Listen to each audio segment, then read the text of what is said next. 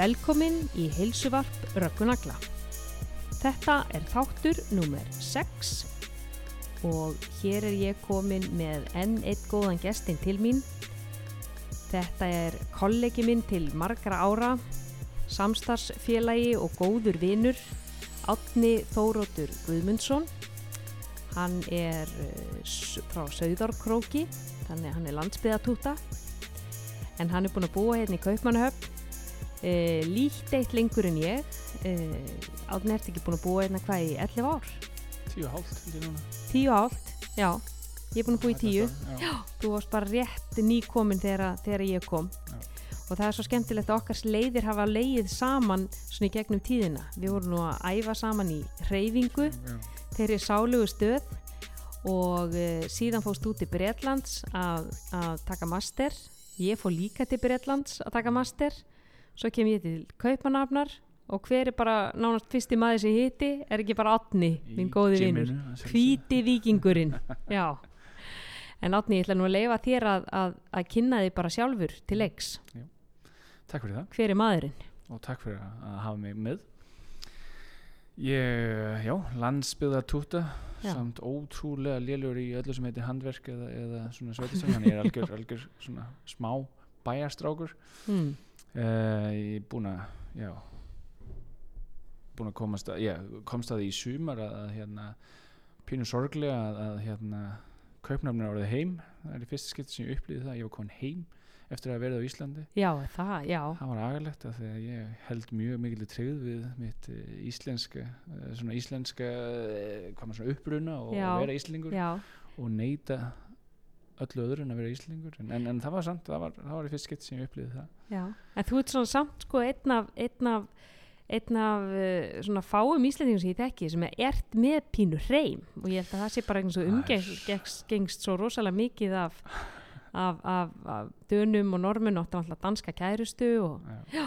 já, það er agalegt að þú segir það en, en, en ég vil líklega já, það já, það er bara svo tók leys ekki langan tíma, ég held að það tæki lengri tíma að fá hreim en, en, en já, hann er búin að vera ég er örugglega í fimm ár núna. Já, já, það er skána núna að ég fengið meira af, af íslenskum skjólstæðingum sko, sem þýðir að, að hérna reynda, uh, fyndið að segja það en, en hérna danska er nánast fyrsta tungumáli þegar kemur að þegar ég, já lær, að lær, ég læri svo mikið á dönskunni og, og minn starfsfeil sem sálfræðingur er náttúrulega í Danmarku allan tíman og, og þar leðandi var orðið auðvöldar að tala sem sé um sálfræði á, á dönsku Já, en danska. sem betur fyrir en segi er er, ég, er ég með mikið íslendingum núna sem þýðir að ég er komin aftur inn í að, að tala um sálfræði á íslensku já, það er ekki bara að fara að dusta ríkið af gamla íðorðasafninu hérna, gagna, hvað heit það, gagfræða hverið Það sem við lærðum í, í bíanáminu ég meina, jú, það var örgulega ef það var hægt að nálgast það einhvern veginn. En, en líka bara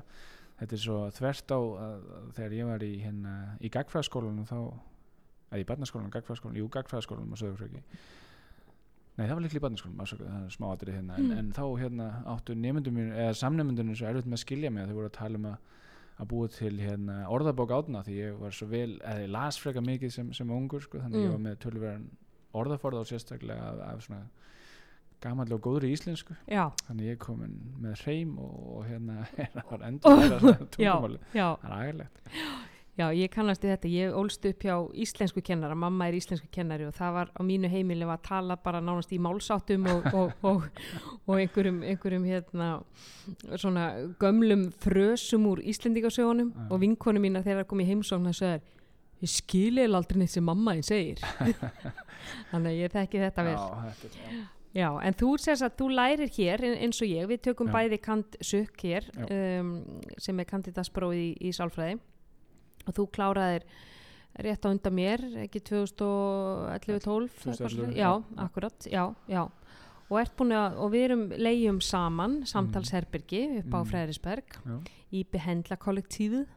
Já, og erum þar með voðalega kósi aðstöðu ja, verður betra og betra verður bara betra og betra, nákvæmlega og, og þú að ert, uh, tókst samt eh, master í Counseling Psychology uh, hva, hvað þýðir það? Hva, í hverju fólst hún? það var mjög meðferðamiðu sálfræði það var Mm. sem sé ekki klínisk sálfræði sem mm. byggir meira á rannsóknarvinnu og rannsóknarþjálfun Mm.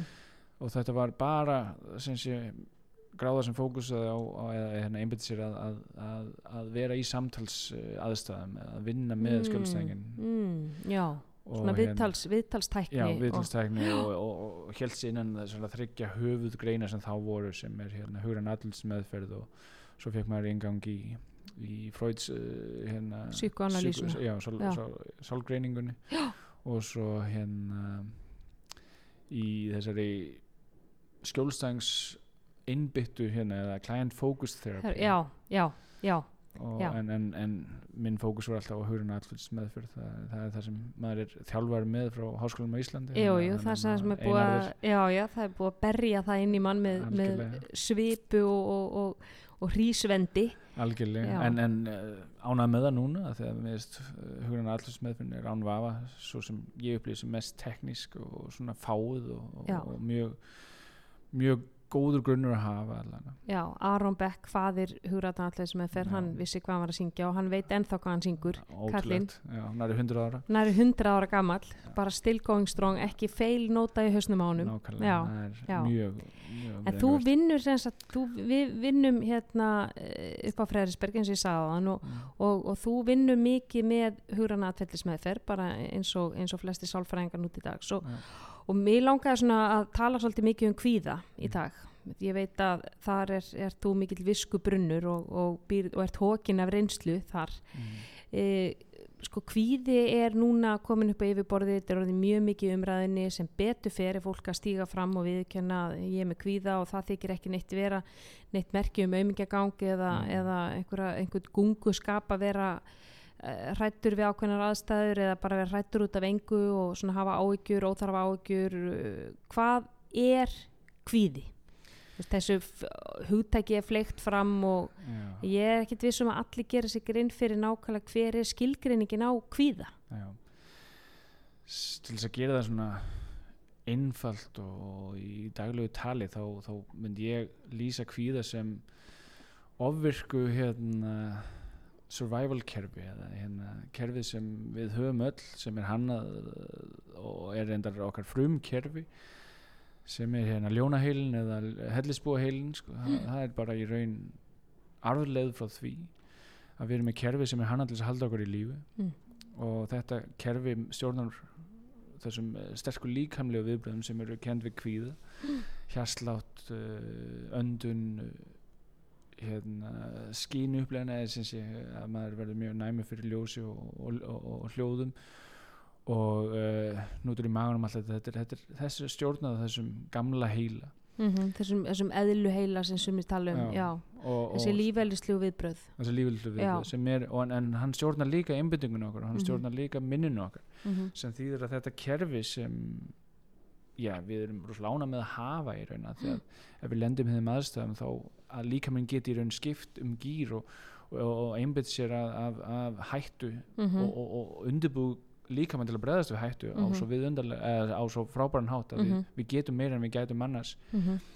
þannig við getum, eh, vildum ekki vera án þess Mhm. en, en, en að því að hann stjórnar minnun okkar þá getur heilin í raun búið eða parað þetta viðbröð við Mhm. hvað sem er í, Mhm. í umhverjun okkar Mhm. í upplifunum okkar Mm og það sem við erum að upplega í kvíði í dag er að, að, að þetta kerfi okkar hefur búið til tengingu mm. við einhvers konar upplifun. Það getur verið frá áður eða oftast fr- frá einhver sem hefur verið slæmt áður eða gerst. Og þetta man í hérna heilin og, og, og tengir þetta uh, sjálfsbjarga viðbröð við. Mm. þannig að þegar við lendum svo í aðstæðum sem setja þetta kerfi í gang Mm og það getur verið, það er ekki alltaf við erum meðvituð um hvað það er sem mm setur þetta í gang en, en þegar þetta kerfi sett í gang þá upplifum við rosalega sterkar líkanlega óþægindis -hmm. sem er í raun kroppin, eh, kroppin og, og, eða líkamann okkar og heilin að segja okkur að fara í burtu Já. koma okkur í burtu frá þessu mögulega hættulega, Mhm. hættulega fyrirbæri Mm -hmm. og það sem gerir þetta kvíða gerir þetta að það sem við kallum sálfræðileg vandamáli er að, að þessar aðstæður eru oft oftúlkun eða sem sé þessi viðbröður eru oftúlkun á aðstæðanum Mhm. og, og á þann hátt líklega ónöðsynleg í aðstæðanum en, en að því að kerfið er búið að hanna þetta og, Mm. og tengja þetta inn þá, þá bregst það við eins og Mm. þetta sé ljón fyrir framann okkur. Já, þetta er náttúrulega bara svona basic survivalismi í, í okkur algjörlega. sem fer í, fer í gang. Og við vitum náttúrulega ekki hvort það sé ljón eða, eða tígristýr eða hvort þetta sé einfallega bara eitthvað sem er í umhverjum okkar eh, þú veist það að vera eh, hend út úr hópnum það er líka önnur, önnur ræðsla. Þannig að við hræðumst sko við, við hræðumst uh, hundskellt það er nú svona það sem er Mhm. talað um að veki svona eh, fyrst upp okkar lífeylislu viðbröð það er Mhm. baskrátur og, og, og hundagelt við förum fyrr í þetta fight or flight response heldur og, og, og síðan er það public speaking því að þar getur við orðið að háða á spotti og verið, verið hent út úr hópnum. Og allt þetta er náttúrulega ber bara sama meði, við erum náttúrulega bara þetta er bara survivalismi. Algjörlega. og ég þarf að berjast við ljónið til þess að lifa af. Mm. ég þarf líka að vera partur á hópnum til að lifa af. Því að ef Mm. mér er hent út úr hópnum þá þarf ég að vera eina að tína rætur og, og, og slátra skeppnum og algjörlega. ég ræði ekki alveg við það. Já, ef maður fer alveg í, í, í þetta félagslega gildi sem, sem liggur í þessu viðbræða þetta já. er nöðsilegt já, sem hellisbúið þá þurftur hún alltaf þá var það eitt af mikilvægt sem hún gaf skert var að, að vera gaglegur eða vera gags í hópnum þannig að þú, þú gjaldgengur í partur af hópnum, já, já. hann er ekki hendi í burtu. Já, og það vekur upp tvær að því að hérna kvíðaviðbröð, það, það krefst þess að heilin breyðist við, þannig að heilin verður að nema mhm, þetta áreiti, verður Mhm. að nema þessa hættu og, Mhm. og það er þá ákveðin túlkunatrið sem er í því mhm, og hvort að sem að túlkunin eða áreitið kemur utanfrá eins og Mm. ég er að fara í aðstæður sem eru hérna það sem ég er að tala eh, hérna ofnberlega þá verður heilin að, taka, í mó, að taka á móti þeim aðstæðum og túlkar, herðu þetta gæti verið mögulega verið Mhm. hættulega aðstæður þetta gæti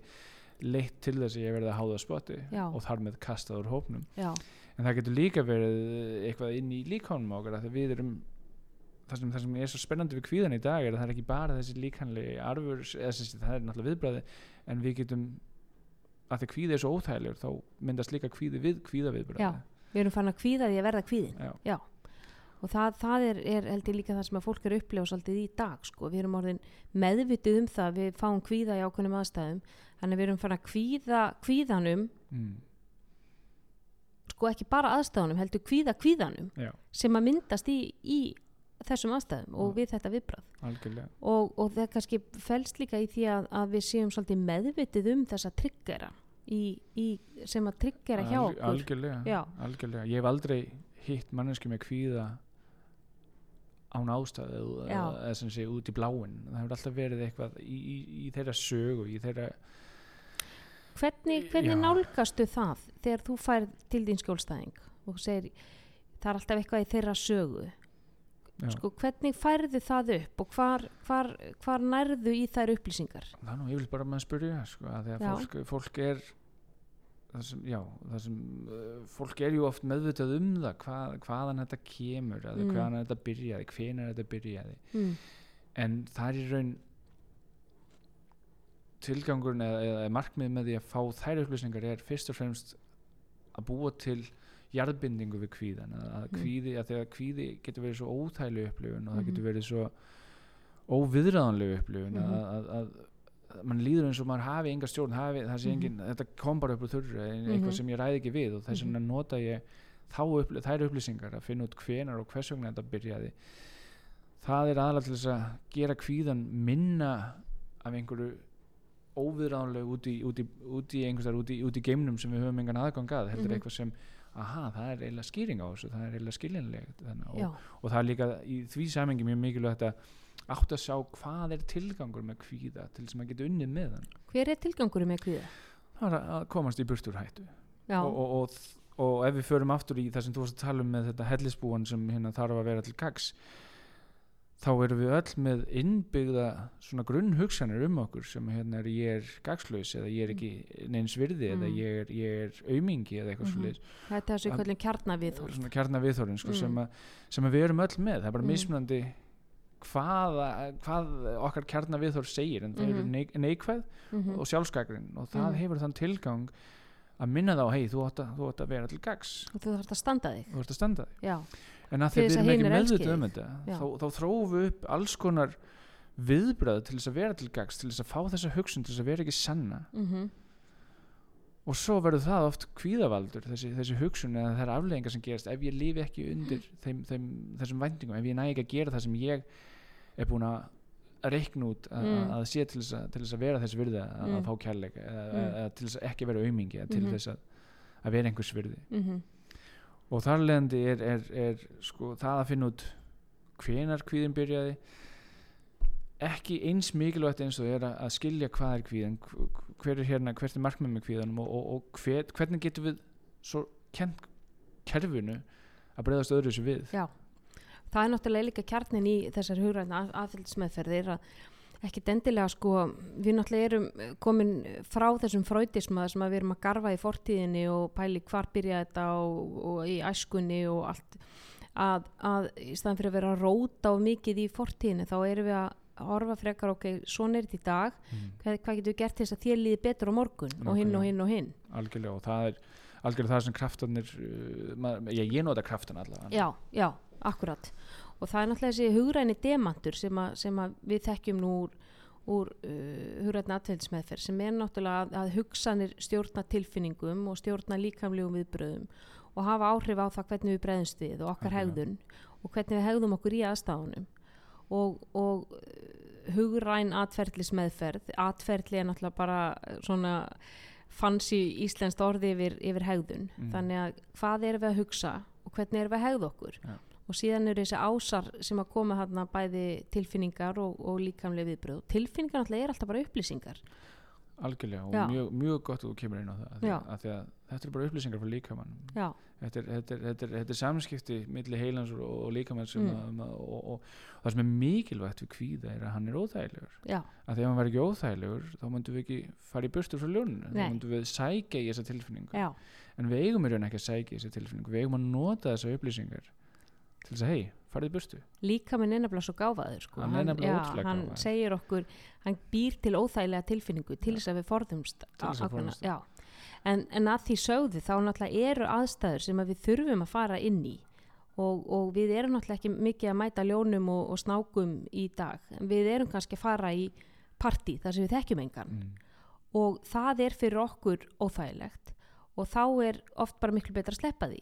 Algjörlega. Og þá erum við komin út í svona þessu kallum forðunarhegðun og öryggishegðun og svona dæmi sem ég tek oft með mínu skjólstæðingum er að sko Siggi sem er með félagsfælni hún líður illa í, í aðstæðum þar sem er mikið af fólki og honum er bóðið í partí hjá Gunnar vinni sínum. Mm. og hann hefur náttúrulega bara um tvo, tvo möguleika velji, hann getur logið sér upp veikan forðunarhegðun eða hann getur mætt í partíð og drukkið sér blind fullan öryggishegðun þannig að sko hvorugt er gott og, hvor, og bæði viðheldur kvíðanum um það að hann sko forðunarhegðun náttúrulega viðheldur því þeirri ránkumind að hann muni fara inn og gera sér fýbli og allir muni hugsa að er þið býta hann og enga vinni og, Mm. og alveg hann asnalegur í ljótum fötum og allir að pískru mig. Öryggishegðunin segir honum að hann geti aldrei farið í partí nema að vera mýgandi ölvaður og, og, og þannig geti hann ekki haft einn ein samskiptu við fólk. Algjörlega og það er þessi, þessi, þetta tvent, þessi forðunuhegðun og öryggishegðun sem að mér finnst oft svona gagnast við að sína fólki það eru allir með einhverja öryggishegðun og einhverja forðunuhegðun mm. hvaða, hvaða aðferð nota þú til þess að hjálpa þínum skjólstæðingum með að átta sig á hvað ert að gera til að viðhalda kvíðanu hjá þér það er nákvæmlega það sem það sem þú að segja, öryggishegðun og, og, og hérna og forðunarhegðun eru náttúrulega það sem viðheldur kvíðan mm -hmm. að það kvíðin eins og við, ef við komum aftur í, í tilgangi með kvíðan mm Mhm. hérna markmið er að segja er að fara í burtu Mm -hmm. og þegar þú gerir það sem kvíðin er að segja er þá staðfestur þú kvíðan í raun, mm. þá fær kvíðin rétt Mm. og þegar kvíðin fær rétt þá, þá styrkir hann í raun eða þá eigur hann þetta viðbræð mm. Þá staðfestur hann viðbræð og þar leðandi eigur líkunar á þetta viðbræð koma upp aftur -hmm. af því að þetta gekk síðast -hmm. uh, mikilvægt í þessu í skilningum á kvíðanum er að minnið, það er hann inn í þessu Mhm. og þe- þess vegna þegar þú býr til forðun þá man heilin það Mhm. og þar leðandi á heilin eftir að stinga upp á því aftur sem Já. mjög góðri hérna, góðu Um, viðbræði já, næst þegar það kemur og, og það sem heilin er svo góður er að hann er fljótur að læra allt hann lærir hérna, þessi aðlögunarhæfni líka menn svo heilans er hann ótrúleg eins og bara þegar við tölum um hungur við erum svöng þegar við erum vön að borða ekki Mhm. að við erum líkanlega að við höfum þörfa að borða Mm -hmm. og það, það er saman með kvíðan er að, að hérna ef það er að fara í partí þá hérna byrjar heilin að, að skrá niður eða geima fullt af liðum lunga á hún ferði í partí Mm. þannig að kvíðaviðbröð Mm. byrjar að koma fyrr og fyrr Mm. að þegar minnið verður meira og meira í Mm. og í hvers skipti sem að þú forðast partíð þá náttúrulega fær heilin rétt eins og ég segi og Mm. þá, þá þar lendi byrja hann að vera betur og betri til þess að spá fyrir um þessa hættu. Mhm, mhm, og svo ef við kíkjum á öryggishæðunina þá er aftur minnið. Minnið lærir, hei, mm, ég þarf að hérna nota alkohóla að hérna ef ég verð ekki fullur þá, þá ver- verður þetta svo erfitt og óþægilegt. Já, mhm, það sem heilin hefur lært þarna er að það er rétt, þetta er hættulegt já, en ég er búin að finna galdra fyrirbæri sem Já. getur reddað mér og það er alkohólið. Já. og þá er allir búin til þriðjuparts uh, tenging sem heitir, heitir að ég get gert þetta en bara ef ég er með töfra, töfragreipin minn. Já töfragreifin sem sem er fleigur fullur af, af, já, en, jagermæstir. en okkar algengasti hérna, töfratæki símin síminn, okkar af því að fólk notar þetta í alls konar aðstæðan til þess að taka og, og kvíða viðbræði í burtu setja fókus eitthvað annað og þar leðandi getur maður verið í símanum og lesi, lesi fréttir eða það er sama, sama örgisæðun Sama ef, ef að. Siggi fyrir partí hjá Gunna og er þetta allt í lægi bara með síman ég þykist bara að vera rosa busy í símanum og eiga fullt af vinum á Instagram og Já. þá láta mig allir í friði. Og þá, Það heil, þá hefur heilin rétt fyrir sig kvíðin hefur rétt fyrir sig já, það er rétt, þannig að þú ert í hættu. mál en þú varst með þú töfratæki varst með töfratækið sem er símiðin Já. og, og, og því miður þá er þessi sími þetta er náttúrulega bara eins og orðið svo heroín hjá fólki sko. Algjörlega Já. þetta er, og, og ef þú, er enda að fyndið að fara inn í eins og almennin sangangur og sjá ekki það ég ætla að setja alla í kvíða sem eru, eru með síman við notum símanin líka til Mhm. afþreyingar og, og Mhm. hérna til þess að hafa óna fyrir okkur og, og stundu þurfum við bara höfum við mikið að gera og notum almennin sangangur til þess að fara í gegnum e-mailin sem Mhm. maður hefur ekki Mhm. náð að senda en það er allir í, í símanum, símanum. Og, og í mörgum tilfellum er þetta að, til þess að forðast þessi óþægindi sem eru í að, að vera í þeim aðstæðum sem maður er og það sem gerir sko öryggishegðun sérstaklega erfið að vinna með er að hún er nákvæmlega eins og það sem við nú kalla venjuleg hegðun. Já, það er það sem er það, það er tilgangurinn með hegðunin sem er afgerandi hvort þetta sé góð hegðun eða, eða slæm hegðun. mm, og það að kíkja í síman er ekkert vandamál ef það er ekkert tengt kvíða ef þú gerir það bara að þú ert að, að, að ná að nýta tækifærið með þú ert í, í lestinni til þess að svara e-mailinu. En ef þú ert með síman, að því að þú ert með kvíða þú ert ekki með síman, mm, þá er alltaf tilgangurinn orðin til þess að forðast kvíðan Já. og þar leðandi er hegðun orðin óþægileg eða, eða óæskileg.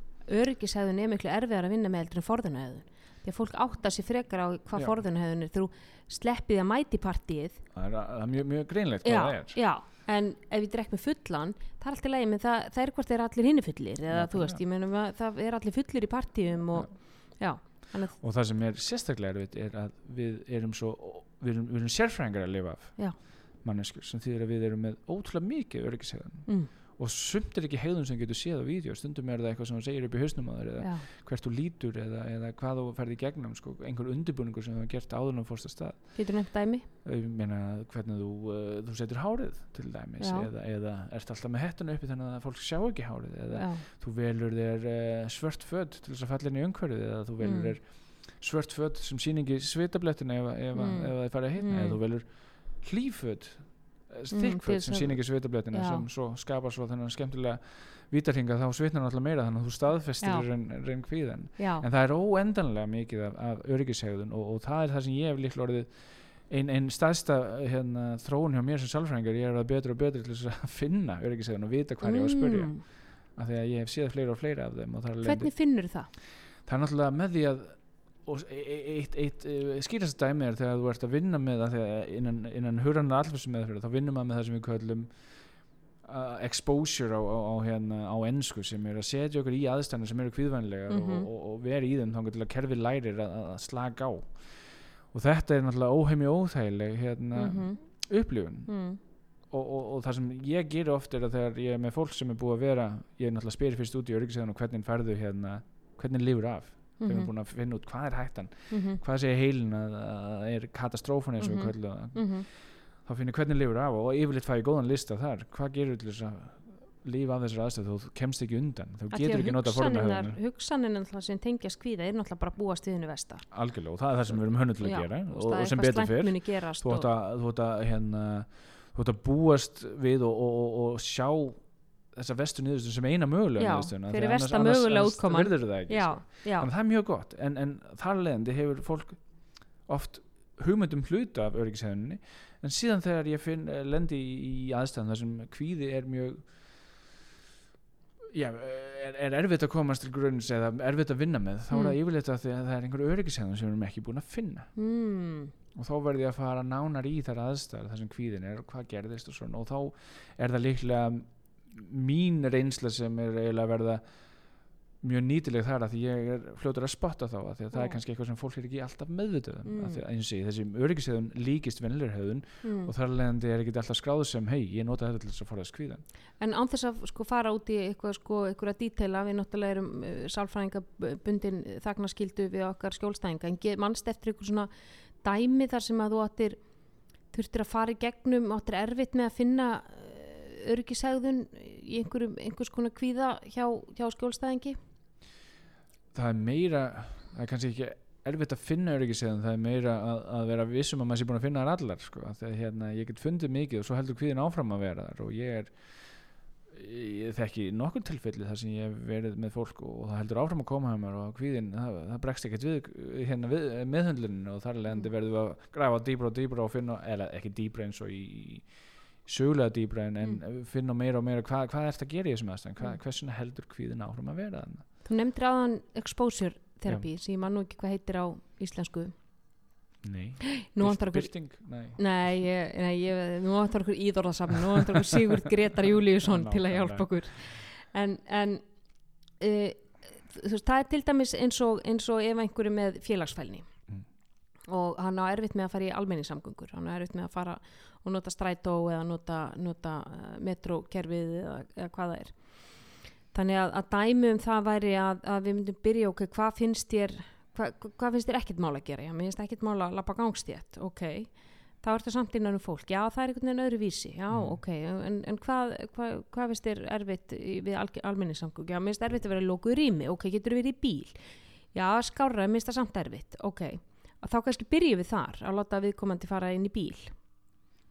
Og, og láta hann uh, sko anda djúft og, og þú veist, hvað er það sem að þú, þú gerir? Veist, svo myndum við færa okkur aðeins lengra ok, nú erum við búin að fara í bíl getur við hugsaði núna að fara inn í lítinn míniböss?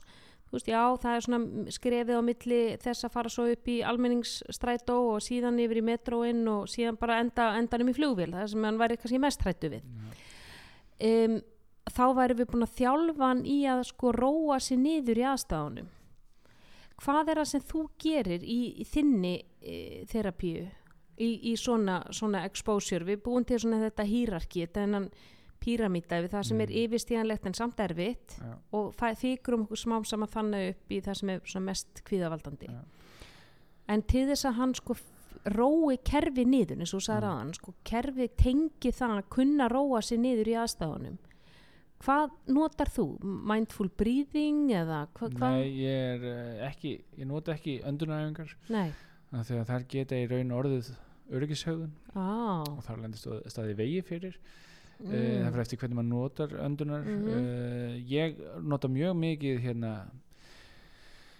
uh, hvað maður að segja að, að visualization á, á ennsku það sem maður hérna Já, sjá fer inn fyrir í sér. aðstæðunar af því að það sem við erum aftur, það er rosalega mikilvægt að skilja kvíða til þess að maður getur unni með kvíða mm finnst mér og líka að það sem er mikilvægt fyrir mig er, að- er að fá skjólstæðingin til að vilja. Ég get ekki unni með kvíða nema skjólstæðingin sér tilbúin að upplifa kvíða. -hmm. ég nota hérna myndlíkinguna ef ég fer inn til uh, skjólstæðing sem segjum að þessi maður sem hérna vill ekki út úr húsi. Mhm. og hræ- hræðslan er að ég verði kerðið niður eða það kemur eitthvað fyrir mig verði, uh, það verði ráðist á mig eða, eða eitthvað svo leis ég fer inn í húsi til viðkomandi og ég fer að tala við hann um kvíða og við ferum að tala um eh, hérna hættun sem leikur í því. Það sem ég verð að segja hann er þetta verður óþægilegt að þú verður að upplega kvíða og ég get ekki eins og tryggt eða, eða hérna, hérna gefur þér eitthvað einhvers konar öryggi fyrir því að þú verður ekki fyrir bíl eða ekki ráðist á því mm, mm. það sem þú þarft að gera hér skjólstæðingur er, er, er, er að taka ákvörðin ertu tilbúin að taka áhættuna? Mm. að það eina sem ég get hérna svona lofa þér að ef þú ferð ekki út úr húsu þá veistu sirka hvernig lífið heldur áfram að vera. Mm. og, og þú verður að taka það ákvörðin ertu tilbúin að taka Mhm, og fara mhm, út úr húsi af því að Mhm. það krefst kvíða, það krefst óþægind að vinna með kvíða. mhm, þannig að það að fá skjólstæðing til, sja- til þess sjálfan að velja að vinna með það Mhm. og vera tilbúin að vinna með óþægindin það er nummer eitt mhm. það sem gerir það sérstaklega snúið er að við erum í raun að vinna á móti eðl okkar þannig Já. að ef ég maður vinna með kvíða þá ertu með eðli sem er að segja að fara í burstu ég er að segja að hunsa eðlið þitt Já, og, og hunsa allt sem þú ert kóðað til að gera. Þannig að Mm. ef ég hitti skjólstæðing sem hérna sinnir kvíðanum sínum eða hvað maður að segja sem gerir eins og kvíðin segir nærir kvíðan, viðheldur honum. viðhaldum, já, hún myndi segja vel gert, þú ert að gera nákvæmlega eins og þú ert hannar til að gera já, já, þannig, að- þannig að þetta er svona ákveðin skilningu sem kemur. Síðan verðum við átt okkur á að, að kvíðin er hannar til að aðvara okkur mhm, áður en hlutinni gerast. Því að þegar hlutinir eru aðgerast þá ertu komin í annað viðbröð þá ertu, þá ertu komin í, í, í survival viðbröð þá er ekki hræðisla þá ertu, þá ertu í raun er að lifa þá ertu já. fight or flight sem er í raun það sama en, en, en mann upplýr ekki hræðislu þegar Mm. maður er að berjast fyrir lífi og maður bara berjast fyrir lífi já, sínu. og, og, og þess vegna kerfið er hann að aðvara okkur áður en hlutinni gerast. Þessi kvíði, þetta, Mhm. þetta, þetta viðbröð áður en það gerist sem, sem þýðir að, að það hefur ákveð hlutverk. Þannig að það að vera í aðstæðanum er til þess að kenna heilanum að það gerist ekkert ef ég er í aðstæðanum en til þess að vera í þeim aðstæðanum þá er maður að vera í þeim nóg lengi til Mhm. þess að það eigi sér stað, stað þessi, þessi nýja tenging þannig að heilin og, og kerfið læri. Mhm, þetta sé ekki hættulegt. Og það er það sem verður svo erfitt því að þetta kerfi verður æstur og æstur og æstur og æstur að þanga til það loksins hættir. Mhm, og, og það sem við gerum er að við bregðumst yfirleitt við áður en við náum þessum topp að því eins og við tölum um áðan kvíði áver óþægilegur. Þannig, að- þannig að við bregðumst yfirleitt við áður en það verður of óþægilegt. Og meðan, meðan kvíðin að byggjast upp þá er upplunum bara, herru, það verður bara verra og verra og verra. Ég, ég get ekki verið í þessu, þannig ég verð að gera eitthvað. Já, þannig að það krefst ótrúlega mikils viljast þess að vinna með, en síðan er það, ok viljastökunni komin, þá erum við að vera í aðstæðanum en það sem flestir gera ekki þeir, þeir undirbúa bara hvernig get ég forðast aðstæðanum þannig að öll hugsun, öll plön ganga út frá að, að, að, að lifa af aðstæðanar þannig, að- þannig að ég, eða forðast aðstæðanar Mm. það sem ég vinn með er að hjálpa fólki að, að kanna miklu meira þetta, þetta vestar sem getur gerst. Já, og svo eði ég mestur orku í því að annarkvort að hérna undirbúa plan, hvað gerur þegar það gerist? Já og hvernig, hvernig lítur það plan það út? búið, formulerið er svoleiðis plan í Uh, tíma? já, uh, oft gerum við það. Og hvernig lítur svo, slíkt plan út? Slikt plan, ég minna, segjum að veri almenning, eða tala, tala hérna nei, segjum almenningssangangur, Almenningssamgöngur, það er kannski já. auðveldast að nota það. Já, og oft er það bara, almenningssamgöngur segjum bara Júli hann er bara hrættur við að fara í flugvél.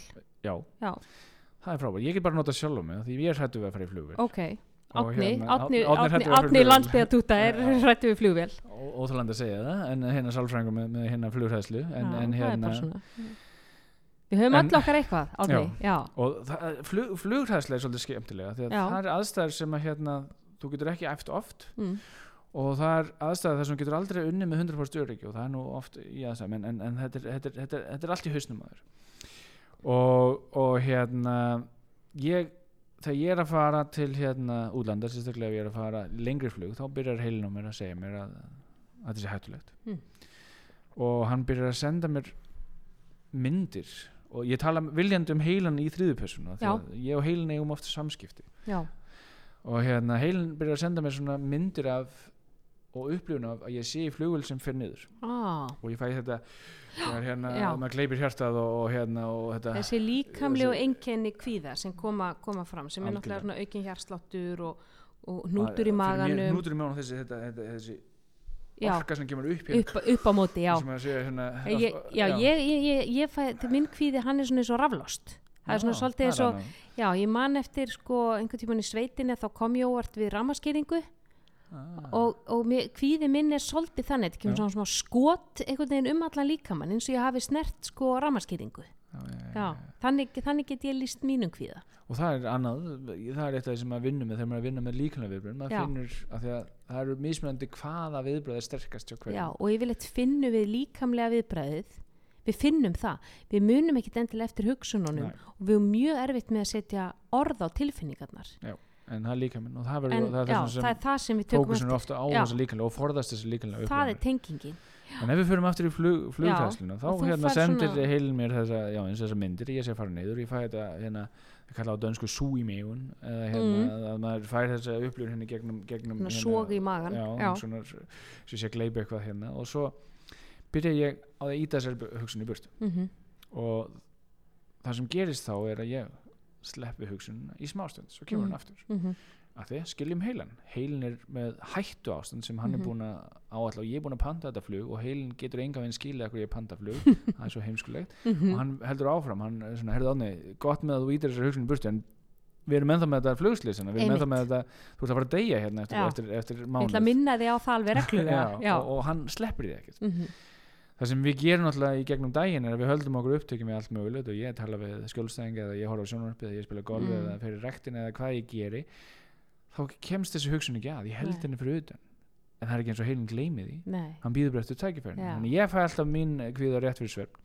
Þegar ég fara að leggja mig til, til svefns. Já, þó ég sé ótrúlega þreytur en ef Já. það er flug á dagskrunni þá vakna ég eitt gott uh, hérna kerfi til að lifa það, það sopnar ekki miðri hættu. Það sopnar ekki á engi full, full af ljónum það, það myndi halda þess vakandi sem sé. þannig ég vakna og, og, og, og þessar hugsun að byrja og ég byrja þeim frá mér. Það gengur ekki að halda áfram þá fer ég í næsta skrif sem er að, að hérna, ef ég get ekki forðast þetta þá var ég að reyna að leysa það. Mhm, og það er svolítið fyndið að það er mjög eðlilegt að, að leysa vandamál sem við erum með en þau eru með kvíða sérstaklega yfir vandamálum sem getum ekki leyst Mhm. eins og þá hérna er það að halda áfram að- vinna í lausnum sem færa okkur ekki neitt það heldur kvíðan líka í gangi það Mm. staðfestir kvíðan hvað mennur vinn í lausnum sem færi okkur ekki neitt til dæmis ég, um, ég og heilin eigum þessu samskipti að Mm. ég geti hérna kyrt á áfangastað já, auðvitað get ég það en þá er náttúrulega eða í öllu fríinu mínu þannig ég get Já. ekki tekið fríð og nú er ég búin að bó- bóka með þannig ég er svona kannski já, ákveð að halda áfram með, með hérna með, með flugplanið heilin hættir ekki við það. Mhm. hann finnur næstu lausn, hann stingur upp á því að ég hérna skipt um flug á síðast augnablik. Finn bara hvað, ef tilfinningin er vitlega þá skipt ég um flug. Mm, og ég hugsa, já, góð hugmynd. En Mm. ég veit ekki hvort að fyrsta flug fyrir niður er annar flug fyrir niður þannig að þetta leysir ekki Mm. venn þetta gefur mér ekki 100% stjórn ekki. Mm, svo stingur heilin upp á því að hérna taki fallíf með mér. Mm, bara, en hvernig við komast í gegnum öryggisliði með, með mm, fallíf mm, og flest flugstu þá gerir ég ráð fyrir að við séum inn í flugin allan tíma þannig ég get ekki Mm. nota fallíf til neina ég Nei. myndi kannski kæfa einhverja sem eru fyrir ofan já, ég, veit ekki hvernig þú ætlar að þannig komast að það, út. þannig að það, það losna ég, held, Mm. ég losna ekki heldur við það síðan hérna stingur hann upp á ef það er einhverjar misindismenn eða einhverjar Mm. hérna, hriðverkamenn mm, að ég noti hérna mína uh, líkanlegu burðu og, og hérna, takið á niður eða sem sé glímið á niður. En það ertu nú gamall enga þjálfari já, já, en aldrei slegist já, ágætlega sterkur en, en uh, örgulega gagslus í slagsmál þannig, að- heilin er fljótur að benda mér á það. Hann, líklega, hann kann að slást ekki þú á þannig var ekki slagsmál á, á böllunum í, í, í, á Seðaborgi? ég var alltaf mikil gunga í það ég lést Já, strákana já, stórstrákana já, og allt heim á, for, á forræðið og með þegar, strákar. hann var að baka mig það þessi, þá, þá stingur hann á þessu en, en heilin er, ok, segjum að ég gæti hérna glímaðan niður. Já, þá hvað ef hann hefur fleiri með sér? Já. Hvað ef hann er ekki einn? Þannig að Mhm. þetta gefur heldur ekki 100% öryggi. Mhm. svo er ég að verða ansið desperate þarna eða, eða hérna í, og svo liggur andvaka pungsveittur upp í rúmi, þá er heilin fann að stinga upp að ég haldi fluginu saman eftir að búið að bomba. Það en, en flugið eh, er ju fleiri tonn og það er komið gati í bótið þannig að það gengur ekki. Mhm, þannig að þarna erum við búin að fara í gegnum hérna nokkra lausnir sem virka ekki og það er engin leið að leysa þetta ég get ekki gefið mér 100% öryggi ef Mhm. ég ætla að fara í flugið. Mhm, eina leiðin til þess að vera með 100% öryggi er að sleppa fluginu mm, og þá fara kviðin rétt. Að forðan, forðan höfðun, þannig að en heilin minn stoppar ekki þarna. Hann byrjar aftur. Já. hann byrjar á sömu hugmyndum þannig ég Já. fyrir gegnum sömu hluti. Og þarna er ég að reyna að leysa vandamál sem ég get ekki leist mhm, og þarna hefur kvíðin rétt fyrir sér. Þannig að þarna viðheldi kvíðan með að reyna að leysa vandamál mhm, þannig ég fór að hugsa, ok, Ánni, þú, þú skilur kvíða þú veist hvað kvíðin gengur Mhm. út á. mhm, hvernig fæ, fer ég þarna upp í toppin hvernig næ ég að komast þangað mhm, að, að heilin læri eitthvað? Mhm. því ég get ekki, ég hef ekki efna að kaupa nóg mörg flug til þess að taka Mhm. það nóg oft og ég vil í raun ekki að hérna upplifa katastrófuna sem að því að ef að flugið fyrir niður þá, þá myndi ég í raun Já. mjög líklega allavega. Já, þannig ég fór að, þá, það er þar sem ég fór að vinna mjög mikið með þessa ímyndun. Mm, þessa visualization, já, visslega ímyndun þar sem ég ímynda mér að það versta gerist. Mhm. þannig ég vinn með, og það er það sem ég eði orkunni sem ég sagði áðan, ég eði orkunni í hvað er versta sem getur gerst, ok, að gera plan fyrir það. Ok, þannig að með þínu skjólstæðingum þá gerir þú plan um hvað er að versta sem getur gerst, Já. ok, hvernig höndlar það? Ok, hvernig og, höndlar og hérna er ég í flugslýsi þannig að hvað er versta sem getur gerst? Það er Mm. að flugið fara niður? Mm, þannig að ef ég skil kvíðan meðan ég reyna að leysa vandamálið þá er kvíðin rétt fyrir sig. Þannig að ég segi, herðu, kvíðin er hannar til þess að redda mér. Mhm, þannig að ef ég hætti að reyna að redda mér mhm, ef ég dey bara já, í ímyndininni já, hvað gerist þá? þá Já. hefur kvíðin í raun mist hlutverkið sitt hann er búin að missa valdið yfir sér, yfir þér, ég meina hlutverkið, hlutverkið er Já. að redda mér Já. þannig ég ímynda mér, ok ég er að leiðin niður hvað ger ég? ef ég hef eina mínúti eftir að lífinu mínu hvað ger ég? Já. þannig Ok. ég ímynda mér, ég myndi bara sitja við hliðina á Cindy kærustinu og, Mm. og taka hennar hendur í mínar og já, kíkja í augun á henni og segja henni alla ástúðlega og kærlega Mm. hluti sem ég er alltaf uh, nýskur á svona í hverstasleikanum og Þú myndir finna sentimentalið í, í Já, átna ald- alveg aldrei of djúft í yðrum, yðrunum. að og, í ímyndunum minni þá, þá gefur það henni einhvers konar ró. Já, og svo endar ímyndunin á því að það- einhver hvítt ljós eða eitthvað og ég gerir ráð fyrir ég sé döður í Já. ímynduninni en það finnir að líka minn byrja að slaka á mm, þegar þú byrjar að visualisera allt að vonda sem getur gerst. þegar ég er búin að vera, vinna með það. Okay. og jafnvel þó að lausnin sé ekki frábær Mm, lausnin er að ég dey í Mhm. ímynduninni eða í lausninni þá dey ég á mínum fórsendum ég er með plan, ég er búin að mm, við, við, förum aldrei þangað. Í hugsun, við bregðumst við bregðumst við mhm, áður en við náum þangað. Og það er það sem heldur kvíðan við, við reynum að leysa, við reynum að forðast það eða við reynum að skilja það. Já, og þetta er allt staðfinsting á kvíðan. Já, kvíðin hafi rétt fyrir. Og þetta er svona sem að ég segi stundum við mína skjólstæðinga, spilaði handriti til enda. sér Kvíðin er svolítið svona að þú horfir á kvikmynd og það er ykkur í gaurar og þeir ranna banka og þeir eh, stinga af og þeir raukstar á Ítalíu og þeir keira eftir Amalfi ströndinni í einhverjum sko eldgömlum Fiat og fara með fram og svo bara búm og svo er bara komin að stafirnir og bara the end og þú situr eftir og bara býtu náðu löggan þeim eða fóru þeir fram af eða eru þeir ykkur starf á búin að kaupa sér ykkur eigu í kyrrahafinu fyrir allan peningin þú veist, hvað hva gerðist þetta er kvíðin, Já. kvíðin lokar bara Já. hann sýnir þér aldrei hvað er að versta sem getur gerst þú veist, hann fer aldrei með þig alla leið Nei. og klárar myndina. hann færi til að forðast endan Já, og eins og þú segir, farðu inn í endan farðu inn í, þú veist já. Láttu, láttu þá ekki láttu þá keira á vegg láttu lögguna ná þeim og láttu þá fara í fangilsi láttu þá fara og kaupa sér eigu í kyrrahafinu og drekka, drikki með reglíf í. Þú veist, farðu alla leið með Algjörlega. handritið algjörlega. og sjáðu það fyrir þér. Af því þá einmitt missi kvíðin valdið. En síðan, að því kvíðin er jú frábært fyrirbæri já, og það dugur ekkert að gera þetta einu sinni þannig að þegar ég fyrir að leggja mig til sveps aftur næstu Mhm. nótt þá byrja ég frá grunni og ferðu þá inn í þá visualization var ég að fara í það aftur. Mm. þannig að þegar ég fór til Philipseyja fyrir þreymur árum þá dó ég 25 sinum að þetta fyrir gegnum það. Síðan fór ég Mm. til sér langa síðast ári og þá hérna þurfti ég bara að deyja þrísur þannig að ah. það er einhvers konar lærdóm líka sem á sér stað. En, en við erum að skilja kvíðin er náttúrulegt viðbræð en þetta er náttúrulega sko þegar þú liggur þarna í rúminu og þegar þú fer til filmsega þá, þá deyrið 25 sinum þegar þú fer til Sri Lanka árið setna þá deyrið bara þrísvar mm. Og þetta er náttúrulega bara nákvæmlega eins og sko þú ferð í ræktina. Þú er ekki aldrei farið í ræktina. Þú ert skítrættur, þú getur ekki gert eina einustu nýpegu þú tekur stöngina, ber strípaða og þú rétt meikar að gera sko þú þarf gerir 20 reps bara með stönginni.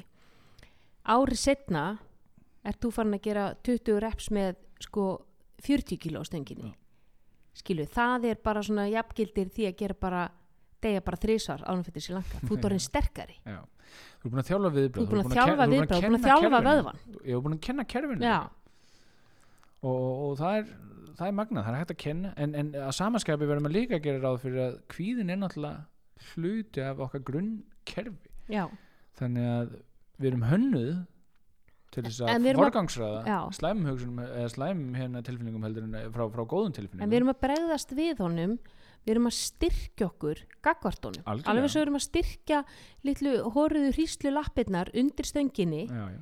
að þá erum við að, að líka styrkja heilan og viðbræð hans fyrir hræðslunni, Já. þessari óþarfa hræðslu og ef maður bara pælir í, í hræðslu viðbröðinu, kvíðanum sem Mm. er rosalega óþægilegur og við vorum að tala um á hann, maður fær oft kvíða við kvíða já, þú vinnur, uh, styrkingin getur líka verið í að þú lærir svo mikið um kvíðan þú lærir að, að hann, hann stoppar ef þú heldur áfram flestir ná aldrei þangað Mm. þegar þeir eru að vinna með þessin kvíða er, og þess vegna heldst kvíðin við mm en þarna þá ferða allar leið -hmm. upplýra kvíðin stoppar, þá lærir eitthvað mikilvægt um kvíðan ferða ákveður öryggi fyrir því Mhm. og svona segir styrk að þú, þú Mhm. verður þjálfari í að vera í viðbræðinu já, og þar leðandi í, í góðu hérna, í góðu já, segjum meðferðal hérna, vinnu eða, eða Mhm. bara eh, tekst að vinna með kvíðaðinn mm þá getur þú þó að viðbræði koma upp -hmm. þá lætur þú ekki stoppa þér lengur Mhm. Þannig að hvað ráðleikur þú fólki? Segjum að nú náttúrulega á Íslandi er bara því miður svo staða uppi að, að, að aðgengi að sálfræðingum er mjög skert og takmarkað og við náttúrulega erum ekki partur af tryggingakerfinu þar eins og, eins og hér og, og maður finnur það hér á, í Danmörku að það að fara til sálfræðings er bara parið við að fólk er með sjúkraþjálfara og það er með engaþjálfara og Mm. ég er með sálfræðing og ég er með tannlækni og þetta er bara svona partur af bara svona almennu umhyrðu Já. sem betur verið þetta svona verða aðeins eh, svona opnara og, og minna tapu á Íslandi en samt eru við ekki með svona þetta, þetta greiða aðgengi og, og hér náttúrulega eru við með þetta sko tilvísanakerfið þar sem fólk getur farið Mm. til heimilisleiknis og fengið tilvísun áfram til sálfræðings um, sko hvað er áleiku þú fólki eh, við erum að tala núna svona við íslenskan markkóp sem að kannski hefur ekki eh, fjárráð til þess að fara til sálfræðings því að það þarf að borga þá á eigin vasa hvað getur fólk gert svona sjálft segjum að, að, að, að Gunni sem er með félagsfælni er að hlusta Mm. núna Mm. og hann á erfitt með að fara í partí því að hún líður illa í, í markmenni hann svitnar, hann ráðunar, hann fær aukin hjarslátt, hún finnst allir vera að horfa á sig Mm. Þú veist, líkamlegu viðbröðun hans eru, eru, eru þessi og síðan eru náttúrulega hugsanir það er allir að pískru mig, það finnst öllum ég að vera asnalegur. Mm. ég, og hans kjarna viðþorf er bara ég er einskísvirði, ég er, er, er asnalegur og, og, og, og yngur líka vel við mig. Um, hvað, hvað getur Gunni gert bara svona með einhver verkfæri sem við myndum veita honum hér sem hann getur unni með bara heima? Um, ef við höldum okkur við hérna, hvað er vestingar þú gerst þar myndi ég eða kröftunum þú myndir fara þanga, hver er vestar sem getur er í partíinu? gerst og hvað gerur þegar það gerist? Ok, þannig að hvað er vestar sem getur gest fyrir Gunna í partíinu? Það er að, að einhver komi upp á hann og segja hann að hann sé ekki velkomin segjum Ok, það, af ok. því að það er allra pískum hann eða segja að djúðlörstu ljótur eða mm, djúðlörstu leðilegur mm, mm, og það sem hann er í gangi með líklega er að for, hann er að leita að vísbendingum að hugsanar séu sannar Mm. það er sem kvíðin fær hann til að gera. Skanna eftir einhverjum vísbendingum sem getur sannað. Hvers getur sem fólk kíkir á hann og kannski passa við hérna augnablik þar sem þau hlæja eða, eða rætt, þá myndi það staðfesta einhverjum kvíðan já, og hann hann fer aldrei og spyr fólk "Hva- voru það að segja eitthvað um mig? Nei, hann bara gerir þessi áhættan og kvíðin gerir ráð fyrir í vesta og þar lendir verðan staðfestu þannig að hann þarf að gera ráð fyrir að fólk, ef hann vinnur með það sjálfur ef þetta gerist hvað myndi ég svo gera, mm hvernig myndi ég höndla það? -hmm. og helst að vinna út frá því hvað myndi ég óska þess að ég geti gert. Ok, ok þannig að hvernig, hvernig, hvernig, hvernig plan ætti hann að gera? Ég myndi ímynda mér líklega að hann myndi svara. Sem sé, hvað myndir segja við einhvern sem myndi koma upp að þér og segja djúvill eftir ljótur, mm. farðu heim þú ert velkomin hérna. Meina, hvað myndi Gunni segja? Hvað myndi Já. Gunni, ef Gunni væri megakúl og enga veginn stressaður og Mhm. hérna, hvað myndi hann segja þannig hann myndi mögulega finna upp og segja hvað herðu passaði sjálf kallinn já. Það er ekki eins og þú sért hérna að dreipast hérna. persónuleika. Nei, nei, einmitt, hefur þú litið í speil hefur sér fötur sig úr Já. klættur því í myrkri? Gæti verið eitthvað þá áttina en, en, en, en hann vil líklega forðast hérna konflikta, konfliktin eða, eða já, að æsa hinn upp og Já. mögulega fara. Að það verði önnur ástæð til þess að hérna verða, verða kvíðin þannig að hann finnur einhver leið þar sem hann hvernig myndi ég höndla það og það er yfirleitt það sem hann heldur svo pínuð á eigin herðu, þetta hjálpa mér ekki neitt nátt ég, meina, ég, ég, ég myndi aldrei segja svona við þig mm. -hmm. þar, þarftu virkilega að tala svona við mig mm -hmm. gera eitthvað sem, sem myndi fá að líklega ekki íta undir, undir hérna, Mm, að- ágreining. að- ágreining en, en, en að samanskapi hann er með svar hann er með eitthvað til þess að bregðast við að það yfirleitt er kvíðin stoppar hann á nær þangað já og hann neyðir allir orkunni að tryggja að, að, að þetta gerist ekki Þannig að Gunni á undibúa svar við hínu allra versta sem geti gerst sem Yes. að væri það að einhver myndi lappa upp á hann og segja, heyrðu, þú ert ekkit smá hallarslugur, þú ert ekkit heima hér, farð heim Já, tíðin. já. Ok, þannig að þá er tilbúin með svar við því, byrju af hverju þetta segja svona við mig, Já. Já, hvað, hef ég gert þér? hvað hef ég gert þér? Og, þarftu virkilega að segja eða ég meina hvernig sem hann fe- fengi já, það getur líka verið að hann ákveði ekki svara en hans viðbrað væri þá bara að, að hunsa viðkomandi og segja Mm. Mm. labba frá honum og, og sína honum með sviðbrið að hann, hann nefndi ekki eins og hlusta á hann nei, og halda áfram að vera í partíu eða hvernig sem hann myndi, myndi vinna Mhm. út úr því. En það sem hann þurft að gera er að finna viðbrað þar sem hann er sáttu við sitt eigið viðbrað já, það að, að röklast í burtu var líklega ekki það sem hann var að- þá var Nei. hann kannski að staðfesta kvíð að hann þarf búið til viðbrað sem er pínlítið óska ef Gunni, Gunni ofurhetja, Gunni Já, ofurhetja? hvernig myndi Gunni ofurhetja félagslega með Já, þessu frekar já, heldur en, heldur já. en Superman sem myndi bara slá, Já. slá gaurinn eða hendunum út úr, út úr partíinu heldur meira eh, félagslega ofurhetjan hvað myndi Gunni gera? Já, og hérna og þá getur hann annarkvört áður en partíð gerist þá getur hann undirbúið það með, með ímyndun. Mm eða hann, hann er bara með planið og Bara æfir planið aðeins, skrifa Já. niður eða, eða tekir ákvörðun og það er mjög mikilvægt þegar við erum að gera þessi hluti að við séum með ákveðið plan. Búa til handrit. Handritið á að vera þarna að ef við erum með svona, já, svona sirka já, þá lendum við að þurfa að taka val þegar við lendum með aðstöðunum Mhm. en hann þarf að það sem gefur honum öryggið er að vita, hann er, með, hann er búin að plana þetta, Já. hann er búin að vinna með þetta. Já, hann er með svar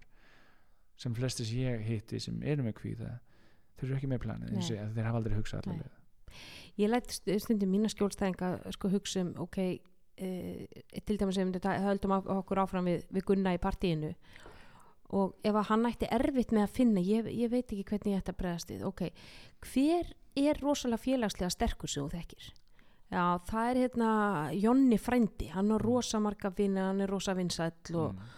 veist, hann á móturhjól og hann þekki vilt að stelpum og ok, hvernig myndi hann bregðast Já. við nákvæmlega og það fær svolítið fólk til að hugsa og það er alveg sama hvað það er hvort sem það er félagsfælni eða hvort sem að fólk með eitthvað sko, á erfileiku samband við, við mat þú veist, hvernig, hvernig díla aðri við erfiða tilfinningar án Mm. þess að fara og, og, og geta allt sem er ekki niðunælt í eldúsinu og þú veist, hvernig, hvernig bregst einhver við sem þú lítur upp til það, og finnst það sem er gott við hjálpa. það er að það hjálpa fólki ofta að komast í óskarniðurstöðuna að því að við erum svo oft föst í, í hvað er raunsæniðurstöðuna, Mm. hvað er líklegast ég myndi Mm. gera og það er ekki það sem við erum að, að að vinna Nei. með við erum að vinna með að þú höndlir að öðruvísi en þú ert hrættur um að þú gerir Já.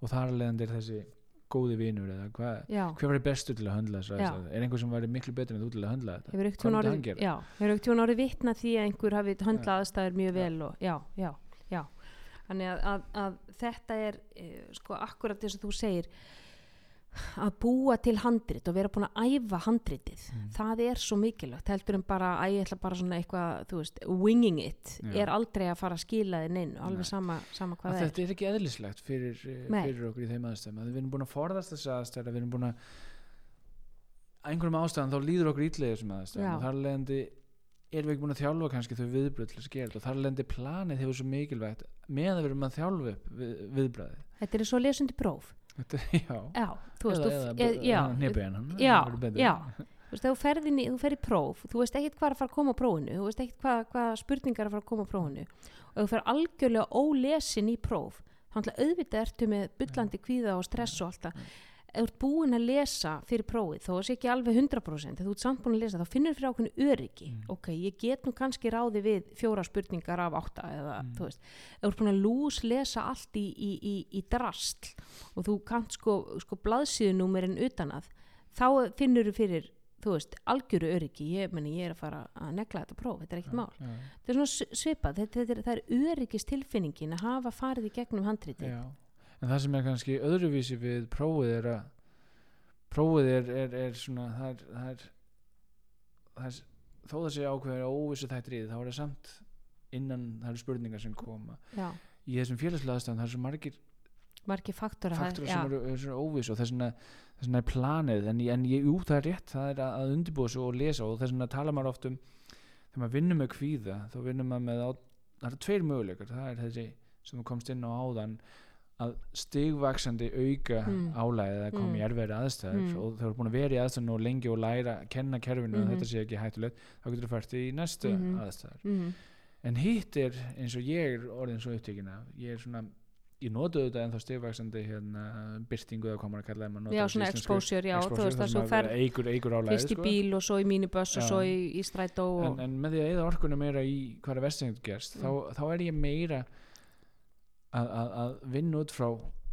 svona hraðari það er svona hraðari nálguna því að þá ertu í raun strax að gera ráð fyrir því vest og, og bregðast við því. Mm, það er meira það sem í, í nærið að vera það við kallum flooding í, í hérna í húrðinu allir meðferð það sem maður er að vinna meira intense með, með hlutina. Mm, og það sem ég, ég nota oft dæmi þegar ég er að tala við fólk að, að nú, nú þetta að, að ná sér stelpu segjum við það, mhm, strákur ná sér stelpu þá hérna, það getur verið ansi, ansi taugastrekkjandi fyrir okkur og við, Mm, maður fyrir mm. að undirbúa allt hvernig á, hvað á maður að segja, hvernig á maður Já. að gera.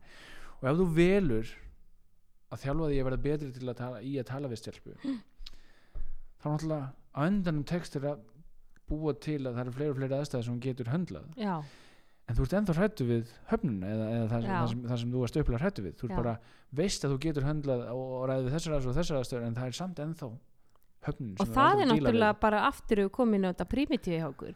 Höfnunin, já, höfnunin er það sem að við ræðumst alltaf, höfnunin frá hópnum höfnunin frá makanum, höfnunin frá stelpunum.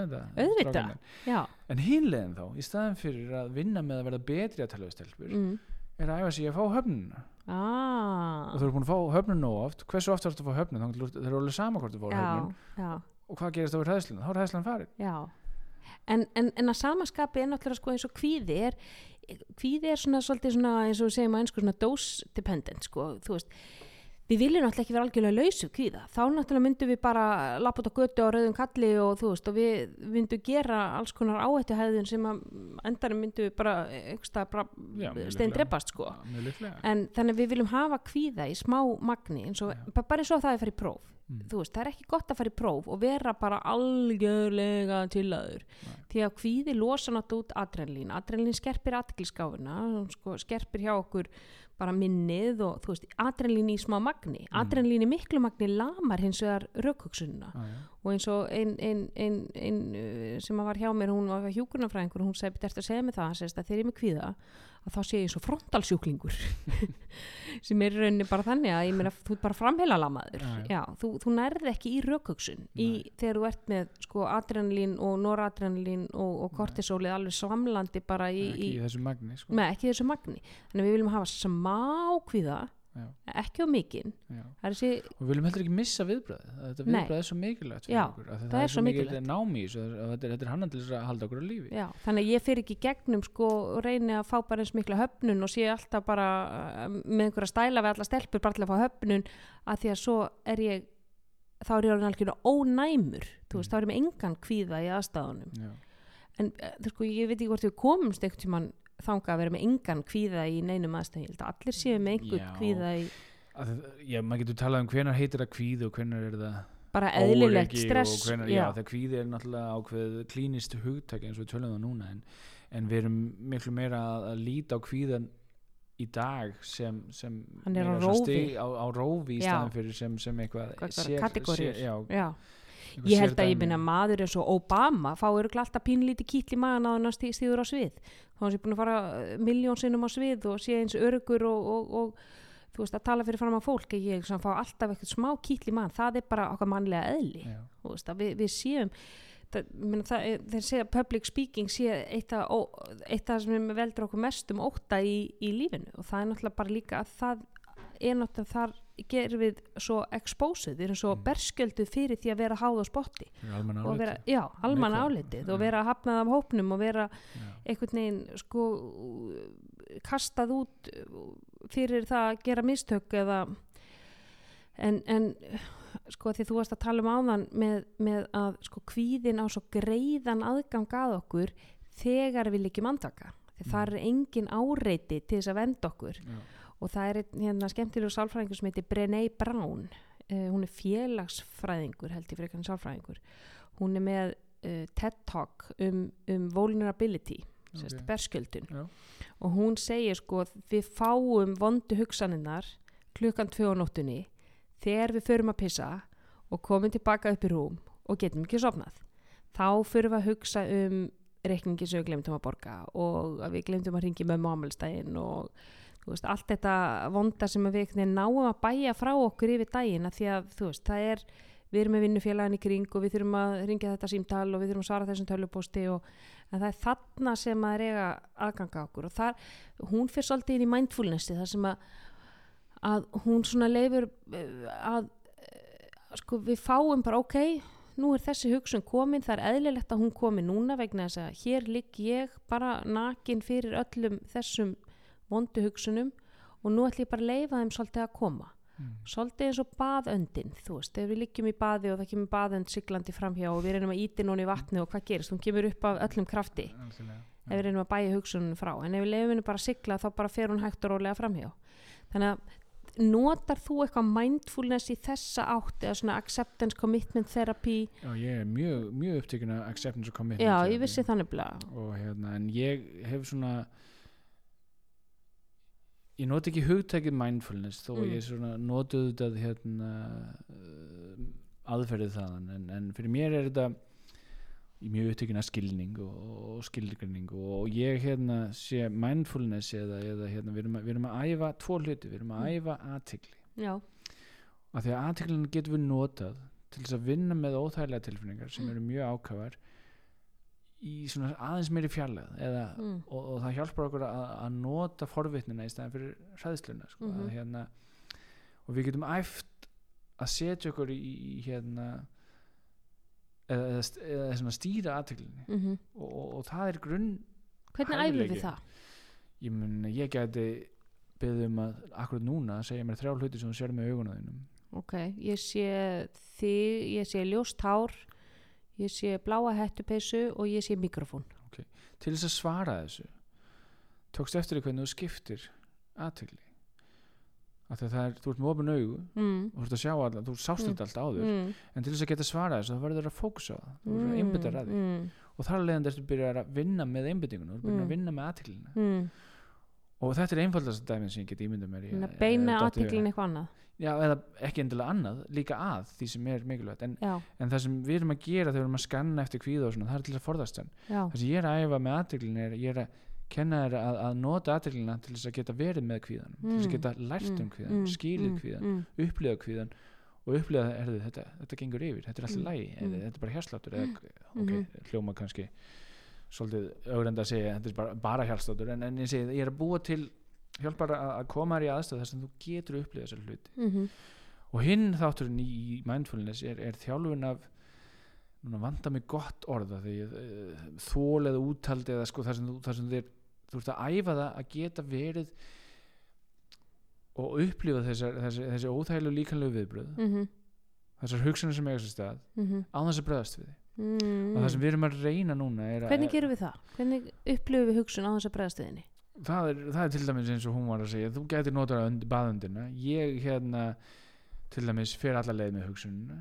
Ég þú spila handriti til enda? spila handrið til enda. Ég hérna er mjög upptíkin af hérna einföldu verkværi sem heitir bara áhugjutími já, áhyggjustundin. 15 mínútur eða 5 mínútur eða hvað er, það sem hún bara leifir heilum að hafa áhugjur já, og það sem gerir er bæðist að þjálfa kerfið í að þessar hugsanir eru ekki hættulegar að þú ert að sækja þær í stæðan fyrir að forðast þær en þú ert líka að æfa bæði aðtiklin á Mhm. hugsunum þú, til þess að þú ert að taka eftir hugsunum sem þú ert venjulega að reyna að íta mhm, út úr meðutundunni þannig að það er æfur aðtikli og svo æfur úthald fyrir þeim að þegar þau tekst því ofta sem þú ert með þessum hugsunum og Mhm. því ofta sem leifir þessum hugsunum að vera því minna verður fyrir áhrifum að þeim kerfið læri þetta er bara hugsanir. Já, en út frá þessu þá búum við til aðstæðar þar sem þú getur notað aðtikli gáuna, meðvutundina til þess að vinna með óþægileg viðbröði líkanum sem að þú ert hönnuð eða hannaður til þess að Mhm. bregðast við mhm, á þess að hugsa það mm. út frá instincts eða út frá, Mm, út frá mm. bara hérna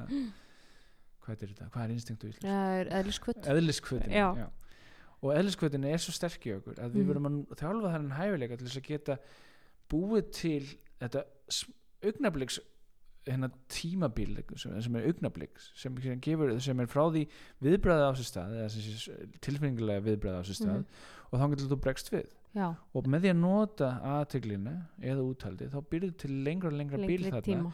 og þar lendir byrjuð til möguleika fyrir þig til þess að velja hvernig þú bregst við í staðan fyrir að eðliskvötin stjórni það, ég, ég, þetta, er, þetta er akkurat uh, þetta er náttúrulega svolítið kjarni líka í mindfulnessinu sko. það er Alg, þessi aðtegli, að, að búa til bil á milli áreitis og viðbrags að, og, og ég tala stundum um þetta ég er náttúrulega mikið með mindful eating og mindful eating hérna, uh, fyrirlestra á námskeiða Mm. að við erum öll það er triggerar í umhverfinu sem trigger okkur til að borða.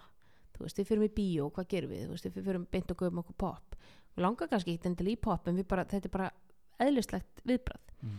kem heim úr vinnunni, eitthvað smá þreytt, hvað ger ég, opna skáp og ég næmir í keksbakka skilur, þetta er bara þetta, við bregðumst við bara autopilot.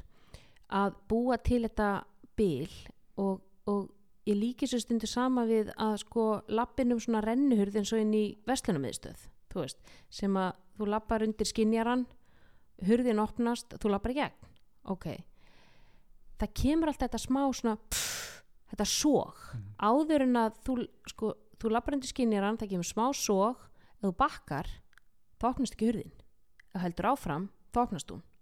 Þú ræður líka hvort þú lappar inn um hann eða ekki. Og það er þarna í þessu mómenti þar sem þú ræður hvað Mm. ger ég? Stendi ég undir, bakka ég tilbaka læti hurðin opnast fer ég í gegnum hana já, opna ég, opna ég skápin og fæ já. Þú þetta er góð. Al- aldrei nota hana sjálfur en Nei, mjög en hún, já, ég er mjög hrifin að þessari og ég meira þess að fann upp hann sjálf. Þannig, að það er þetta litla sóg sem að við höfum alltaf valdið. Við höfum Já. alltaf valdið hvernig, Já. að því að við sko við stjórnum ekki því sem að lífið hendur í okkur. Lífið hendur í okkur alls konar veseni og, og vandamálum og alltaf, en við stjórnum alltaf hvernig við bregðumst við Já. og það er í okkar valdi sem sé hegðuninni viðbræðinu við stjórnum Akkúrat. ekki líkanlega Nei. viðbræðinu við stjórnum ekki tilfinninga Við stjórnum og stjórnum heldur ekki hugsuninu nei, við stjórnum hegðunni en, en það er rosalega algengt og það gerir þetta van, va- eða svona erfitt fyrir hérna fólk sem er með kvíða er að það er ákveðin skilningur í samfélaginu um að við eigum að stjórna tilfinningunum okkar. Mm. við eigum að stjórna hugsunum, við eigum bara að hugsa jákvæmt við Já. eigum bara að taka okkur saman eldin og, og gera já, hlutina. girdu því bara í brók og, Já, já, og þetta, þetta, þessi þessi bóðskapur gerir það verkum að þú heldur að þú eigir og þú heldur að kvíði sé hérna veikleiki eða, eða hérna aumingaskapur. En, en þetta er í raun bara náttúrulega viðbröð sem hefur enga stjórn á. Og þú verður að nota þetta sog eða þetta augnablik, þetta aðtiklis augnablik sem gefur þér valmöguleikan til þess að taka ákvörðin vil ég vinna með það eða vil ég ekki vinna með já, og þar alveg getur þjálfað að verða betri að, að taka þetta viðbröð þetta, þetta er erfið vinna og hefur ekkert með aumingaskap að gera Nei. eða veikleika. Mér finnst þetta frábær lokaður hjá þér átni og, og ymmit sko við, við, við upplifum öll kvíða og Já. kvíði er ekki, það er engin auðmyggjaskapur það er ekkit, slæmt við það að upplifa kvíða, við upplifum hann öll hann er bara partur af því að vera mannlegur Mm. við erum glöð, við erum ánæð, við erum hamingjusöm, við erum líka með kvíða, við erum reið, við erum pyrruð við erum fúl þú veist, við eigum að upplifa alla tilfinningaflóruna og, og þá leifa börnum líka að, að upplifa alla tilfinningaflóruna þannig að þau vaksi upp sem einstaklingar sem að finni það ég á rétt að því að vera fulla móti í dag. Já. ég er bara á rétt að því að vera bara með löngutöng framann í heiminn og þetta er bara þannig, þannig dagur. Ég á ekkert að vera í góðu skapi ég á ekkert að vera endilega að hugsa um regnbóa og einhyrninga og alltaf að vera gaman og, og bara einhverjum pollíana í múmindal alltaf, þannig er bara ekki lífið. En að við stjórnum því alltaf líka hvernig við bregðumst við því því að þó að við séum í, í fúlu skapi þá þurfum við ekkert endilega að vera svo Michael Douglas í Falling Down sko, við þurfum ekki að vera að- tjúluð út í allt og alla sko, en, en að því við stjórnum alltaf þessu, þessu hegðun. já, þessu, þessari hegðun sko. Mm. en það getur verið erfitt ef við erum að bregðast af eðliskvöld það er þess vegna sem við notum svo Akkurat. mikið þetta. Þetta, og, já, já, þetta, þe- bú- þetta- þetta já, þetta bil. Á milli milli áreitis og viðbras en, en ég samanlegar tilfinningar eru viðbrað sem við höfum öll. Það eru upplýsingar til það okkar. eru upplýsingar. Það, er það finnst mér svo mikið líkil Já. hérna punktur er að þetta er, þetta er það er verið að segja ykkur eitthvað. Notum það. Og það eru alltaf að segja okkur það er eitthvað sem þú þart núna. Hvað ert að upplifa, ég er einmanna ok, hvað þartu þá? Já. ég þarf að ringi vinn minn. Já. ok, nú er ég, nú er ég pyrraður, ok, hvað þartu að gera þá? ég, ég þarf kannski að fara og, og lita í litabók eða skil, hvað er það sem ég þarf þegar að, að ég er stressaður það þarf kannski smá time out. Það þarf ég kannski bara aðeins að fá að loka hurðina skrifstónu minni og, og hlusta á, á eitt podcast eða skilur, það er heilsuverk heilsuvarpi til dæmi sko. já, þannig að það er þær er alltaf að segja okkur eitthvað. Það er alltaf eitthvað, einhver, einhver já. En átneða búið frábært að fá þig ég geti haft ha, það bara ég, ég, sko örglega eftir að fá þig aftur því að það er eftir að hafa þig hérna í þrjá tíma. Ég þekki það nú af, af mör, margra ára vináttu hvernig það er að, að byrja að grafa í haustnum á þér, það er náttúrulega endalust bara. Já, ótrúlega gaman að tala bara. Já, ég veit að það er líka þess að gaman að hlusta þig. byrjar sko það, bara, það er svo skrúa frá krana. já, já, það er maður setur tíkall í átna sko, já, já en uh, eins og ég segi átni, takk kærlega fyrir að koma, takk fyrir að deila viskuðinni með, með mér og, og hlustendum Elsuarpsins, ég er alveg vissum að það eru fullt af verkfærum sem að fólk fer núna út með og, og getur nýtt sér nýtt sér bæði heima og, og, við hvetjum alltaf alla til þess að, að ef þeir líður illa að leita til sálfræðings það er að leita til sálfræðings á stofu. Við átni bjóðum alltaf bæði upp á Skype sálfræði samtöl uh, við notum uh, hugbúnað, ég nota Cara Connect Mm. hugbúnaðinn, þú ert með Skype er það ekki? Æ, ég er uh, skráður á Kara og svo er ég með uh, hérna, WeCare. WeCare, ok. Já, þannig að það er lítið mál að bóka, bóka hjá okkur, átni hvar getur fólk fundið? Þú ert með þóróttur.gmail.com eða ekki, það er, er persónuleg mailin ég er með Ani. Ani.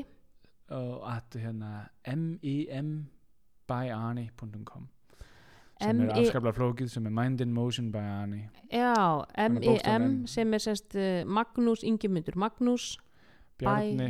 Bjarni Yngvi Usulón Arni.com ekkert, getur ekkert flókið. ekkert flókið, nei, nei, nei, nei, nei, nei. þetta er bara allt stafrófið þarna. Já, já.